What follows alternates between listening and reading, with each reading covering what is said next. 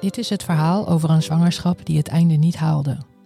Over wat er gebeurt als je baby zo vroeg wordt geboren dat ze zonder hulp van artsen niet zal overleven. Het gaat over de baby's die vechten voor hun leven en over de ouders die zich staande moeten houden in alle emoties. Over verwachtingen die niet uitkomen en over de periode erna. Podcast Prematuur gaat over de helden van het eerste uur. Ik ben Vanessa. Welkom bij Podcast Prematuur.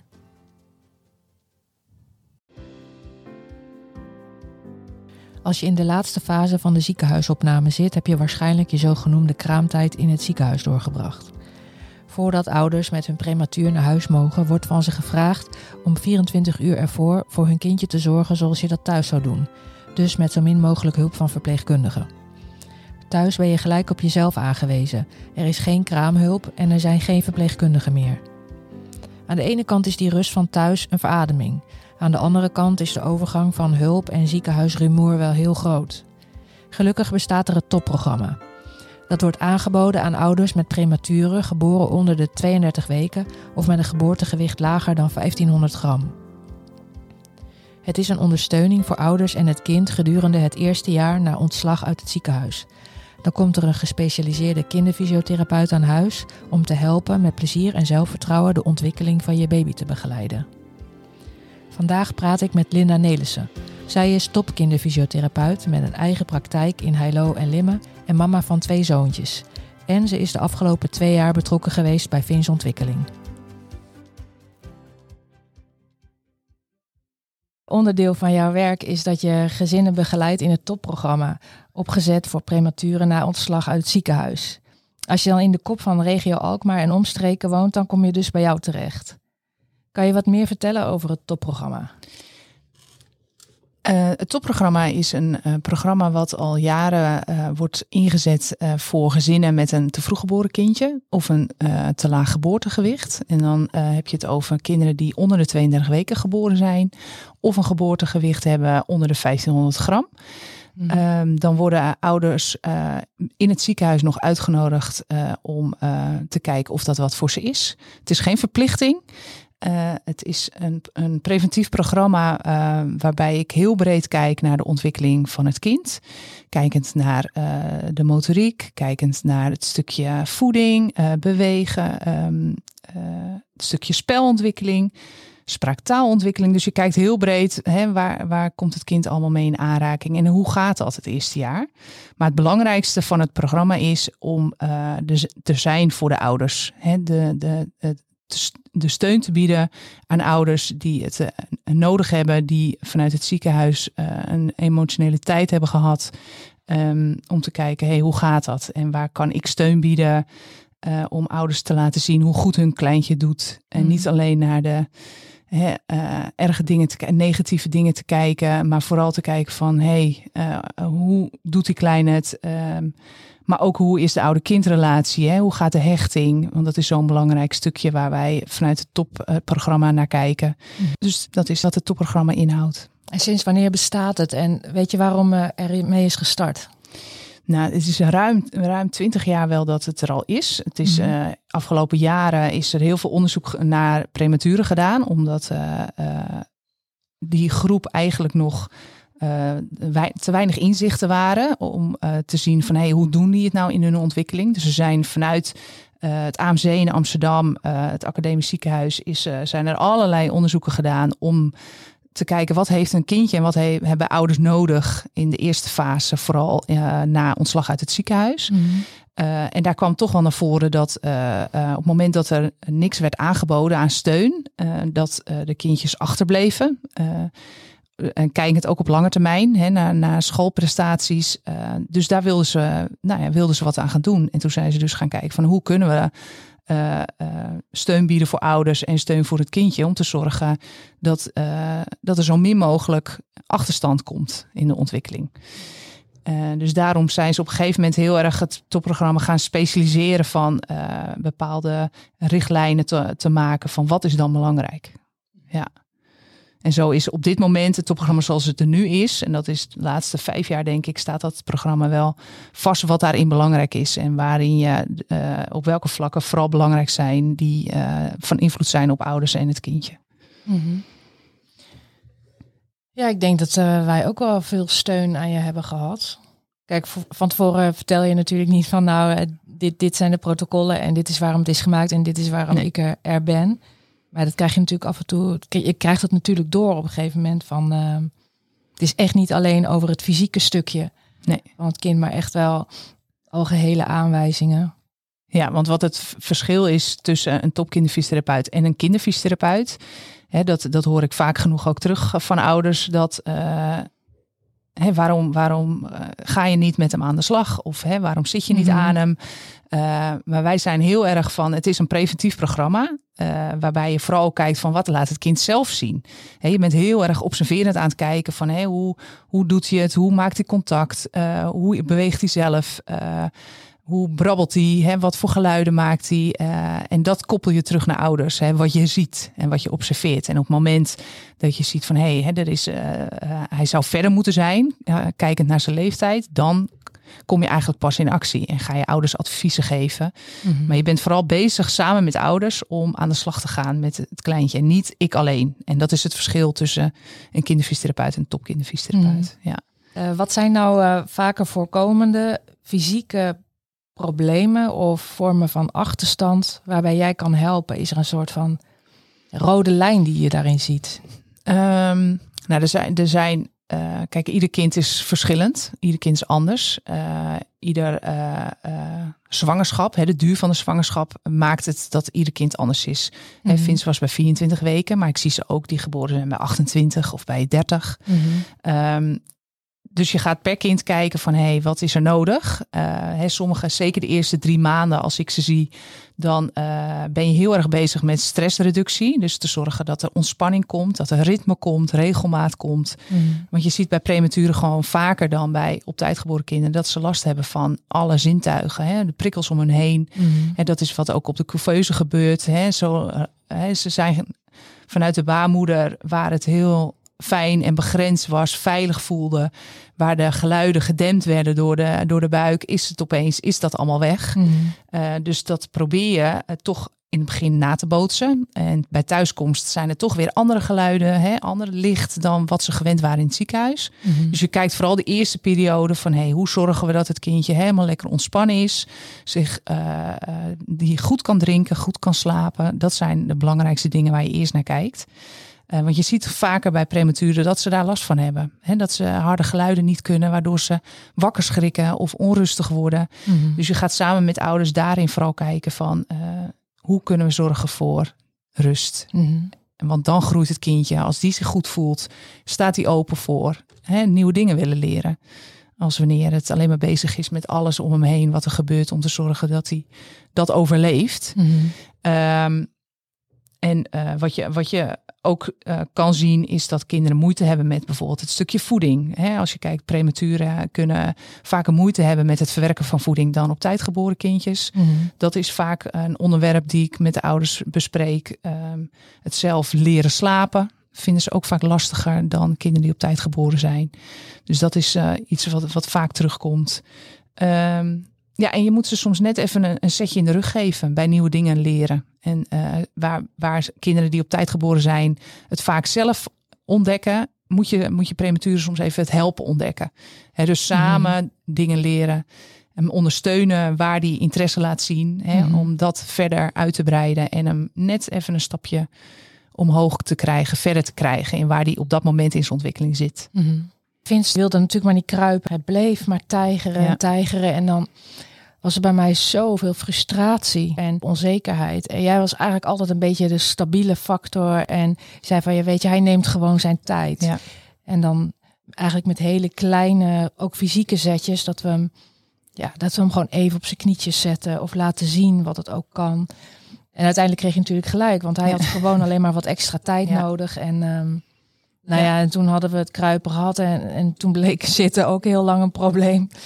En uh, ja, dat is natuurlijk lastig. Ja. Want uh, ja, wij gingen bijvoorbeeld zwemmen en dan heb je daar zo'n aankleed, um, ja, zo'n dunne plank waar ze dan op moeten. En ja, hoe langer je kindje instabiel blijft, ja, hoe moeilijker dat natuurlijk is. Ja. Maar ehm, ik weet eigenlijk niet eens meer zo goed hoe we dat hebben gedaan. Maar uiteindelijk is hij gaan zitten. Ja. En ook met behulp van een kinderstoel en dan dat babyzitje erin. En zo heeft hij toch zijn spieren kunnen trainen. Maar het heeft allemaal toch wel erg lang geduurd. Ja, ja. En uiteindelijk het lopen natuurlijk hetzelfde. Dat, dan, dat liep dan automatisch natuurlijk ook achter. Ja, nou, en het, het vervelende is natuurlijk dat je altijd gaat vergelijken met andere kindjes van dezelfde leeftijd. Waarbij je daarnaast altijd nog rekening moet houden met zijn eigenlijke leeftijd, hè, de gecorrigeerde leeftijd, waarop eigenlijk jouw, uh, jouw uitgerekende datum was van bevallen. Ja. Uh, en daarnaast uh, zie je dat, dat ze dan alsnog hun eigen lijn volgen, hun eigen tempo Ja, behouden. Dan lopen ze nog achter. En dan, daarop. dan kunnen, ze, kunnen ze inderdaad nog steeds achterlopen, maar ze, ze komen er altijd wel. Ja, ja, hoe lang het soms ook duurt, hoe frustrerend het kan zijn voor ouders, hoop ik ze dan in te laten zien. Maar kijk, hè, de vorige keer dat ik hier was en nu, Ja, ja. wat voor eh, mooie nieuwe dingen laten zien. Mhm. Ja, en dat is wat het topprogramma is. Hè. Ouders laten inzien van hè, het kost misschien even wat extra tijd en energie, maar ze laten iedere keer altijd toch wel weer ontwikkeling zien. Hoe Ja. klein de stapjes ook zijn. Ja. En als nou bijvoorbeeld blijkt tijdens eh, de begeleiding dat er nou meer aan de hand is. Bijvoorbeeld eh naar aanleiding van onderzoeken blijkt dat er toch sprake is van een DNA-afwijking. En dan met minder goede vooruitzichten. Eh, verwijs je dan door of hoe gaat dat? Ehm, ja, er zijn, er zijn verschillende samenwerkingen die ik heb op het moment dat ik zie dat er meer nodig is binnen een gezin. Eh, ik ben zeg maar de, degene die als eerste mijn gezin komt bij thuiskomst. Dus ik ben een soort van de monitor van hey, hoe gaat het op elk gebied. Eh, hè, als ik zie dat een ouder echt er doorheen zit of moeite heeft met het verwerken en die zich zo schuldig voelt, dan, dan verwijs ik ook vaak door naar de huisarts om eens te kijken van hé, hey, want op het moment dat een ouder eh, met zichzelf bezig is, staat het niet open voor het Mhm. kindje. Hè, wat zo belangrijk is in de eerste fase. Dus dat is een samenwerking die ik wil doen. Maar ook bijvoorbeeld met eh, op het moment dat voeding een probleem is, hè, het, eh, het, eh, de fles of de lepelvoeding, dan verwijs ik vaak ook door naar een logopedist. Hè, die gespecialiseerd is om baby's daarin te helpen en ouders daarin te helpen. Ehm, met een diëtist heb ik vaak ook vanuit het ziekenhuis eh, contacten eh, hè, met verhogen van de voeding. Want daar ben ik ook voor om daar advies in te geven. En dat Mhm. doe ik vaak samen met een diëtist om te kijken van wat is wijsheid voor, voor deze kleine uk. Mhm. En ehm, dus zo kijk je gewoon binnen gezin, als er meer aan de hand is, wat is nodig. En op het moment dat, dat je eh, meer ziet, eh, zoals DNA inderdaad, eh, wat er uit een klinisch onderzoek komt, of op het moment dat een kindje bij geboorte een flinke hersenbloeding heeft gehad, Mhm. waarbij een, eh, een echt een, een achterstand blijft, links-rechts verschil blijft in, in ontwikkeling van, van het lichaam, dan eh, ga ik verwijzing doormaken naar een revalidatiearts bijvoorbeeld in het Ja. ziekenhuis. Dus zo kom je binnen elk gezin kan, kan er een samenwerking tot stand komen, Mhm. maar soms ook is dat absoluut niet nodig. Kan ik Mhm. de steun bieden die ouders nodig hebben en het kind eh, wat hij nodig heeft, eh, is dat genoeg. ja. Dus dat wisselt heel erg, heel erg per gezin. Ja. Hey, en tot wanneer blijf jij betrokken bij een prematuur? Eh, het topprogramma bestaat uit twaalf eh, bezoeken aan huis. ehm, waarin eh, in het begin vaak dat je, dat je om de week aanwezig bent bij het gezin om ze een beetje op te, op te starten thuis.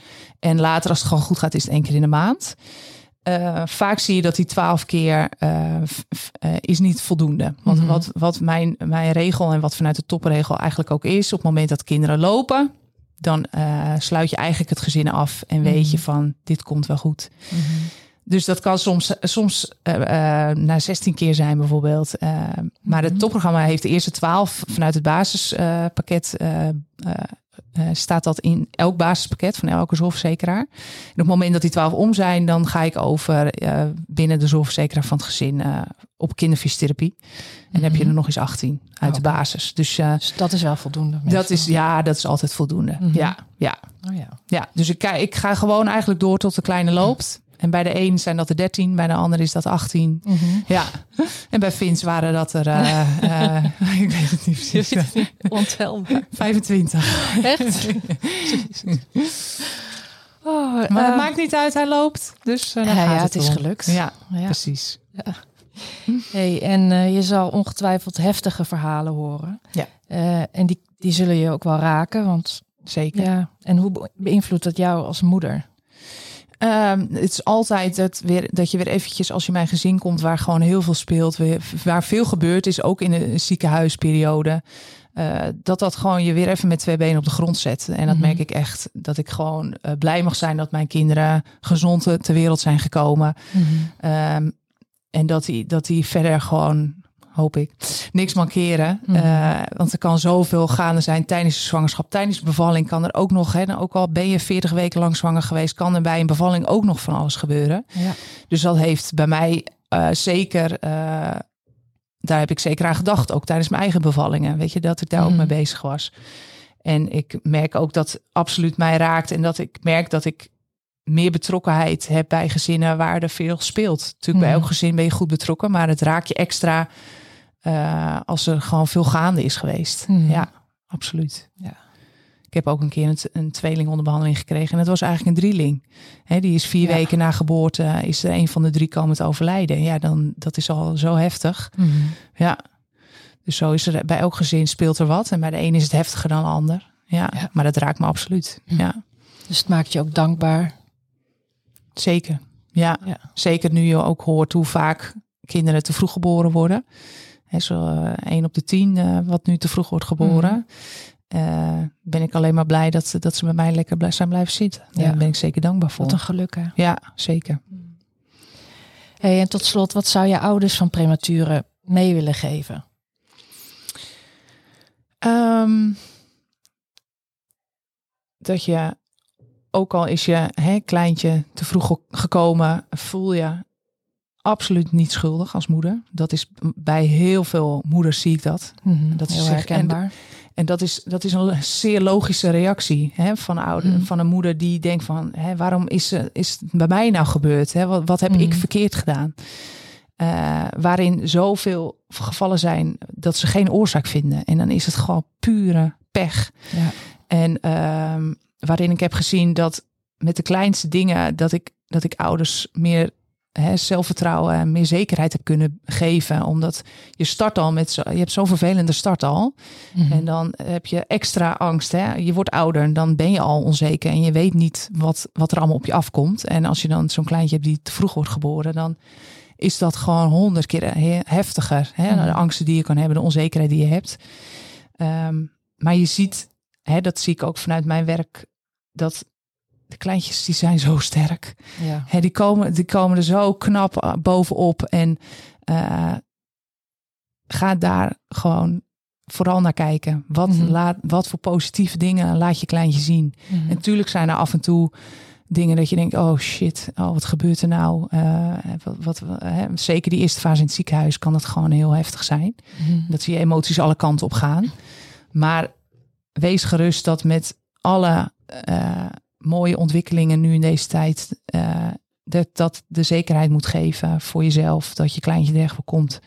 Dat ze echt sterk zijn. En eh, dus daarin hoop ik, eh, en ook met mijn, mijn steun die ik ouders probeer te geven, is te genieten van je kleintje ook.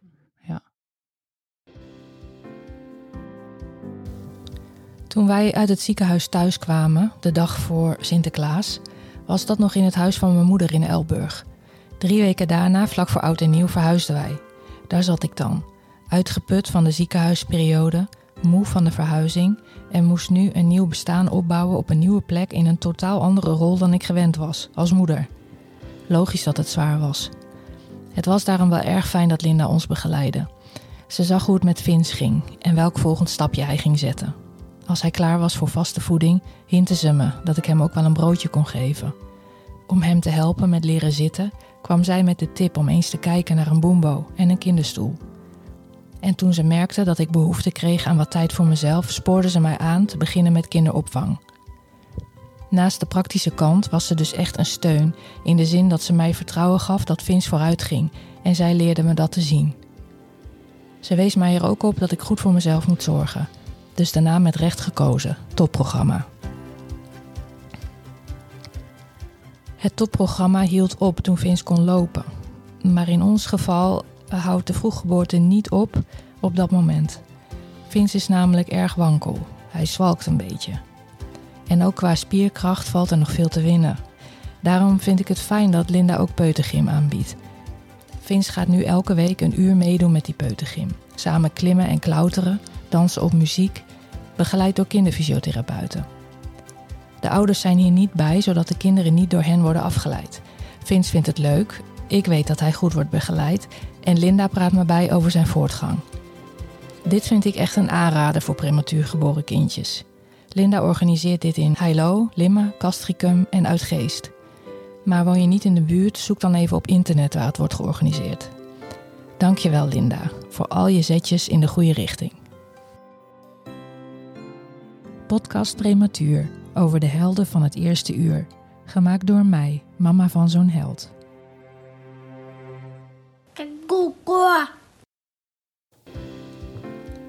Leuk dat je hebt geluisterd naar deze podcast.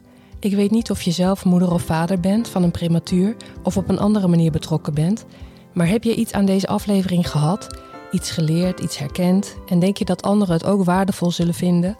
Dan zou ik het heel erg waarderen als je het zou willen delen op social media, op Instagram, Facebook of LinkedIn, door een screenshot te maken van je telefoonscherm en ons daarin te taggen.